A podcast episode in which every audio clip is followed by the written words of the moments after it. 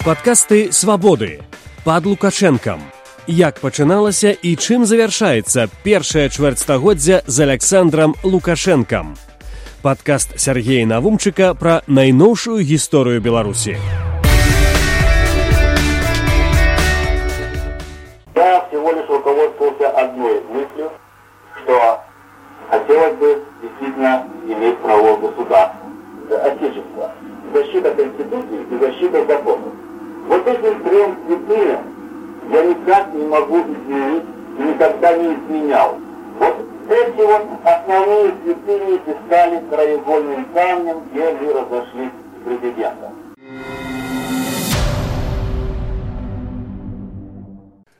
Гэта быў голас Юрыя Захаранкі, генерал-маёра міліцыі былога міністра ўнутраных спраў Беларусі, які гвалтоўна знік у 1999 годзе запіс 98 -го году. Гісторыя Юрыя Захаранкі гэта гісторыя дзеяча, які ў пэўным сэнсе зрабіўся ахвяры рэжыму да станаўлення якога меў непасрэднае дачыненне. У гэты шэраг можна было б аднесці так званых маладых ваўкоў, якія вялі лукашэнку да ўлады і ягоных паплечнікаў першага году прэзідэнцтва, якія спрыялі разбурэнню прававых і дэмакратычных традыцый і ўмацаванню аўтарытарызму. Некаторыя, як чыгір заплацілі за сваё супрацоўніцтва з лукашэнкам турэмнымі тэрмінамі, іншыя, як ганчар і захаранка расплаціліся жыццём. Інтэрв'ю захаранкі, якое вы пачулі на пачатку, было запісана, як я ўжо сказаў 98 годзе, калі генерал ужо тры гады знаходзіўся ў апазіцыі да лукашэнкі.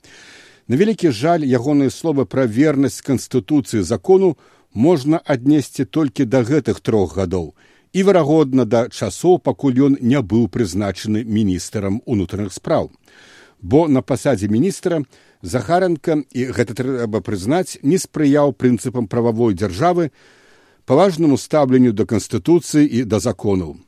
Менавіта пры міністры захаранку міліцыя вырывала бел чырвона-белыя сцягі ў актывістаў бнф у сакавіку 95 -го года, калі дзяржаўным быў яшчэ бел чырвона-белы сцяг.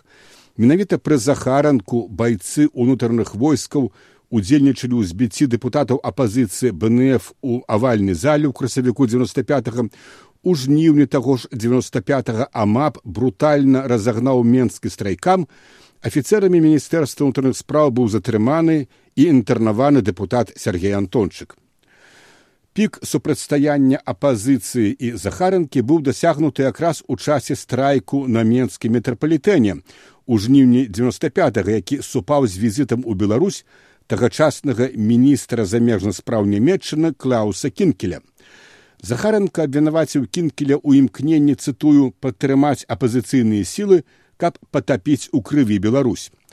У адказ на гэта лідар свабоднага прафсаюзу геннадзь быкаў заявіў інтэрв'ю газете свабода, што цытую злачыннасць за апошні год у нас павялічылася прыкладна на 33 проценты. Па ўсім відаць, міністр унутраных спраў стаў спецыялістам не па барацьбе з арганізаванай злачыннасцю, а па барацьбе з прафсаюзамі і раптам аказваецца, што ён яшчэ і спецыяліст у міжнародных справах канец цытаты. Амбасада Беларусі ў Боне была вымушана, як паведамляла агенцтва ДПА дыстанцыявацца ад заяву захаранкі. І раптам адстаўка. 12 кастрычніка 95 -го года прэзідэнт Лукашенко падпісаў указ аб звальненні Юрыя Захаранкі з пасады міністра ўнутраных спраў і прызначэнне на гэтую пасаду выканаўца абавязкаў дзяржсакратара Віктора Шеймана. Пра тое, што адбывалася раніцай таго дня ў будынку мус, распавядаў той дзень Олег Груздзялович. Што сёння раніцай адбывалася ў міністэрстве ўнутраных справаў. Зранку там з'явіліся супрацоўнікі адміністрацыі прэзідэнта у цывільным адзеянні, узялі пад ахову кабінет міністра і нікога не дапускалі нават у прыёмны пакой. На запыты журналістаў ніякіх каментарыяў не давалася. Вядома только, што ўсё міліцэйскае кіраўніцтва з раніцы было выклікана да прэзідэнта, дзе на працягу мінімум двух гадзінаў ішла нейкая так бы мовіць пальтынфармацыя, але змест яе журналістам не паведамляецца. Адстаўка мела сваю перадгісторыю, сутнасць якой палягала ў канфлікце Юрыя Захаранкі з Александром Лукашэнкам, і мы крыху пра гэта распавядзем. У пачатку верасня сродкі масавай інфармацыі паведамілі пра заяву юра захаранкі, што ён не збіраецца заходзіць у адстаўку з пасады міністра ўнутраных спраў. Ці не з'яўляецца гэта насамрэч дадатковым сведчаннем таго, што адстаўка рэальная, задаліся пытаннем аглядальнікі радыёвабода. Вось што перадаваў на хвалях нашага радыё Олег Груздзілович. Пасля пашыранай калегіі тыдзень таму, калі Юрый Захаранка захаваў за сабой пасаду міністра, пытанне аб яго адстаўцы здавалася на доўгі час адкладзеным. Адбылася як вядома гарачая размова з прэзідэнтам але страсці быццам бы суцішыліся генерал захаранка застаўся на праваахоўчай вахце толькі навошта тады спатрэбілася гэтая заява якая не абвяргае чуткі а хутчэй іх узмацняе. Цытую улічваючы і без таго складанае становішча вымушан афіцыйна заявіць што не бачу рэальнай падставы для добраахвотнага сыходу са сваёй пасады конец цытаты таким чынам генерал-майор міліцыі падкрэслівае немагчымасць менавіта добраахвотнай адстаўкі але ў чым праблема хіба ж яго ўжо прымушалі гэта зрабіць? Паглядзім што ж адбывалася ў міністэрстве ўнутраных справаў за гэтыя дні. Галоўная падзея прадстаўленне новых намеснікаў міністра якое прайшло ў сераду дзяржсакратар Віктор Шейман прадставіў супрацоўнікам міністэрства Валянціна гальца, які захаваў пасаду камандуючага ўнутранымі войскамі і стаў зараз таксама першым намеснікам захаранкі, ды Івана Юркіна, былога намесніка старшыні КДБ, якога раптам перакінулі ў міліцыю кіраваць усёй крымінальнай службай. Здавалася б, звычайнае мерапрыемства, прадстаўленне новых намеснікаў, без якога не абыходзіцца ні адна ўстанова пры адпаведных падзеях. Але як высветлілася, міністр Юры Захаранка павёў сябе на гэтым звычайным мерапрыемстве не зусім звычайна. Магчыма, я не састаяўся як палітык, але стыль майго кіравання гэта шчырае выказванне думак. Вось такімі словамі распачаў ён сваю шчырую размову. А слухалі яго десяткі падначаленых, што прысутнічалі ў зале, намеснікі былыя ды новыя а таксама Віктор шейман які займаў пачеснае цэнтральнае месца ў прэзідуме. Што ж шчырага прынцыповага сказаў ім генерал захаранка па-першае ён заявіў што не быў упэўнены і зараз сумняваецца ў тым ці здольны пасланнік кДб иван юркін кіраваць усёй барацьбой са злачыннасцю маючы толькі той вопыт які быў напрацаваны ў кДб дзе нагрузка была значна меншая з гэтай рэплікі захаранкі ясна сыходзіла што юркіна накіравалі ў мус насуперак меркаванням міністра. Па-другое ён паабяцаў самы жорсткі спрос і двойчы гэта падкрэсліў з усіх намеснікаў за выкананне іх абавязкаў. Калі расшыфраваць такое выказванне то атрымліваецца што захаранка папярэдзіў гальца каб той не марыў просто так пераседзець цяжкія часы за спіной міністра. Нарэшце быў падкрэслены і той дзіўны факт што галоўнае ўправленне дзяржаўнай аховы выведзена зараз з-пад кіраўніцтва міністэрства унутраных справаў і падпарадкавана напрамую прэзідэнту. Але чамусьці дагэтуль карыстаецца матэрыяльнай базай мус што спараджае шмат праблемаў. Толькі самае галоўнае не ў гэтым. Самае галоўнае што кіраўнік гэтага зараз незалежнага ад міністэрства управлення михаил тысавец уведзены ў калегію міністэрства Нагадаю, што гэта той самы былы дэпутат цесавец, які кіраваў аперацыі па збіенню дэпутатаў апазіцыі ў парламенце. Здавалася б, што б яму рабіць зараз у калегі міністэрства, да якога ён ужо не мае ніякага дачынення. Захаранка абышоў гэта пытанне, але падкрэсліў, што такая ратацыя з ім не узгаднялася і жорстка выказаў надзею на змену ў будучым, калі зноў будуць камплектаваць калегію міністэрства. А зараз уявіце сабе рэакцыю на такія заявы таго ж Віктора шеймана які хутка пра ўсё даклаў прэзідэнту. Відавочна што пасля гэтага прэзідэнт зноў мог вярнуцца да пытання аб міністры мус. Як сцвярджаюць кампетэнтныя крыніцы адпаведны указ зноў разглядаецца прэзідэнтам.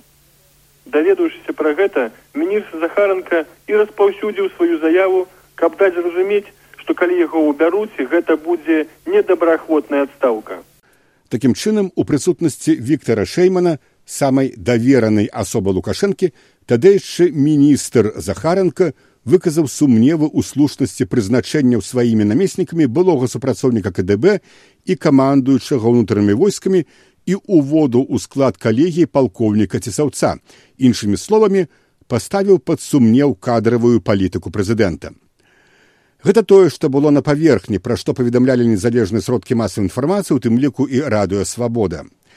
Пазней ужо пасля адстаўкі юра захаранка скажа што сапраўднай прычынай адстаўкі была ягоная нязгода стварыць эскадроны смерці спецпадраздзяленні якія б распраўляліся па-за усялякімі судамі з тымі каго называлі крымінальнымі аўтарытэтамі натуральна гэтыя падраздзяленні можна было б выкарыстоўваць і супраць палітычных апанентаў. 12 кастрычніка 95 -го году захаранка быў адпраўлены ў адстаўку. Станіслав шушкевич каментуючы для свабоды гэтую навіну назваў прэзідэнцкі указ чарговым парушэннем канстытуцыі. Былы старшня верховного совета беларусі падкрэсліў што толькі парламент які прызначыў на гэтую пасаду захаранку мае юрыдычную магчымасць яго зняць на думку шушкевича сітуацыя становіцца яшчэ больш жорсткай зараз калі кансстытуцыйны суд ліквідаваў усякія сумненні наконт законнасці парламента цалкам пацвердзіўшы яго легітымнасць. У гэтых умовах зноў ісці на відавочныя парушэнні гэта азначае на думку жушкевіча ствараць яшчэ большую напружанасць у грамадстве. Цытую я ўпэўнены, што прэзідыуму верхоўнага савета яго старшыні трэба вызначыцца па гэтаму факту заю станіслав шушкевич у інтэрв'ю свабодзе.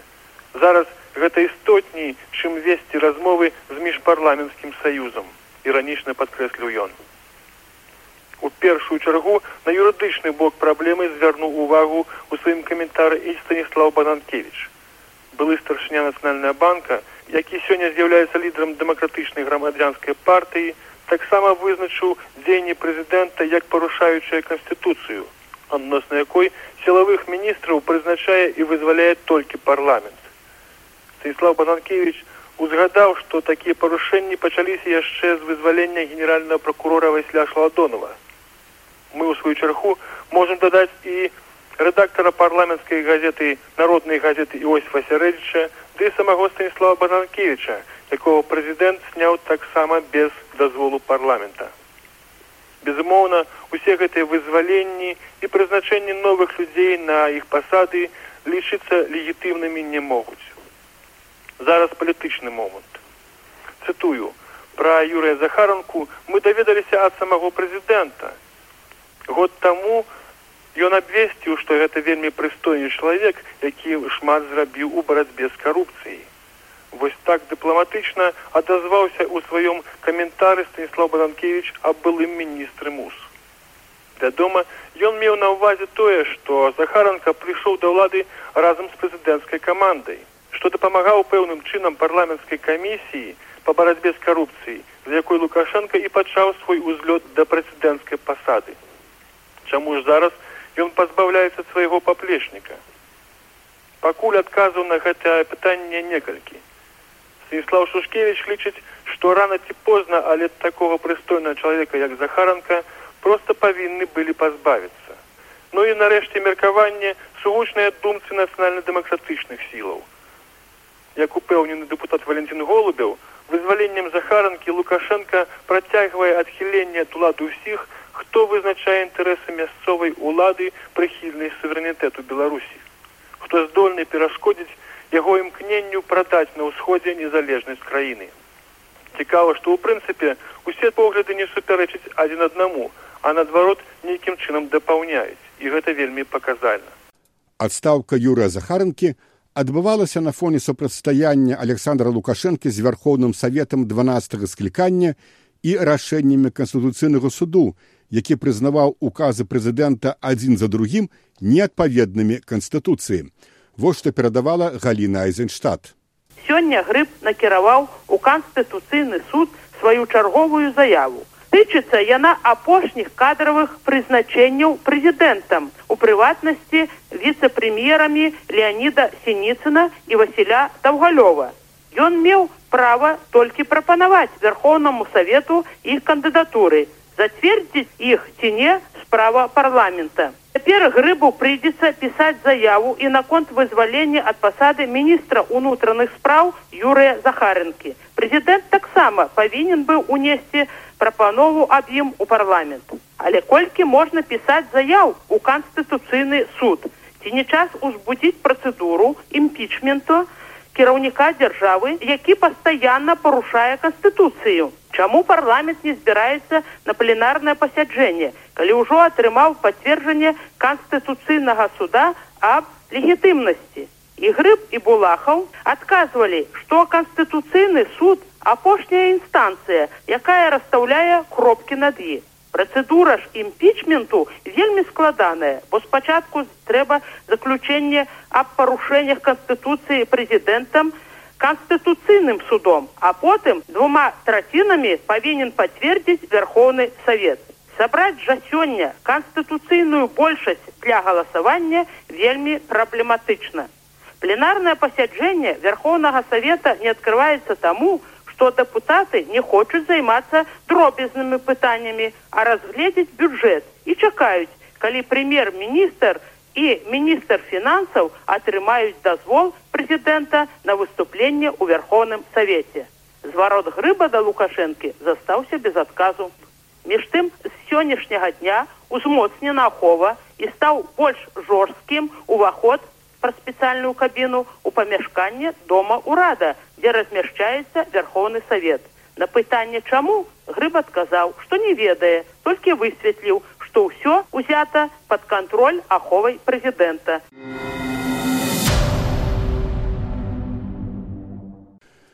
Але ў беларусі надыходзіў час, калі выканаўчая ўлада лічыла для сябе неабавязковым выконваць рашэнне канстытуцыйнага суду.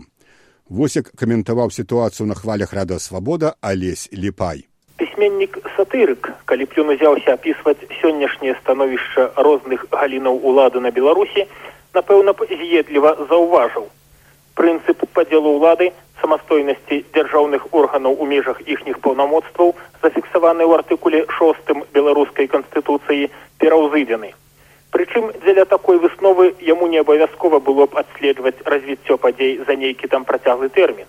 Дастаткова прааналізаваць тыя з іх, што мелі месца на адыходзячым тыдні. Найпершае, што звярнула на сябе ўвагу, канстытуцыйны суд краіны зноў давёў, што ў некаторых выпадках ён сапраўды не можа паступіцца канстытуцыйнымі прынцыпамі. Суд прызнаў, што паводле асноўнага закону паўнамоцтвы старога вярхоўнага савету доўжацца да пачатку першага пасяджэння новаабранага парламенту. Это можна лічыць адказам згаданай інстанцыі на неаднаразовае выказванне Александра Лукашэнкі аб нелегітымнасці вярхоўнага савету 12 склікання. Але яшчэ большую, так бы мовіць, самастойнасць праявіў урад беларусі які па сутнасці адмовіўся выконваць папярэдняе рашэнне канстытуцыйнага суда паводле якога не адпавядаючым канстытуцыі прызнаны быў прэзідэнцкі ўказ аб удакладненні бюджэту на девяносто пятый год на прэсавай канферэнцыі 9 кастрычніка прэм'ер-міністр беларусі михаил чагір заявіў што нягледзячы на рашэнне канстытуцыйных суддзяў кабінет міністраў надалей будзе кіравацца ў сваёй дзейнасці менавіта прэзідэнцкім указам. Такім чынам у кастрычніку 95 -го года прэм'ер-міністр михаил чигір заявіў што канстытуцыйны суд для яго не аўтарытэт што ён будзе выконваць указы прэзідэнта а не рашэнне канстытуцыйнага суду Наперадзе ў чыгера быў яшчэ год шляху, які завяршыў тыя дні Юры Захарынка, выкананне сумнеўных распаражэнняў Лукашэнкі. Перад рэферэндумам 96 -го году Чгір пакіне пасаду прэм'ера, але гэта адбудзецца толькі праз год. Падкасты свабоды пад лукашэнкам. Як пачыналася і чым завяршаецца першае чвэрцьстагоддзя з Александром Лукашэнкам падкаст Сергея Навумчыка пра найноўшую гісторыю Беларусі.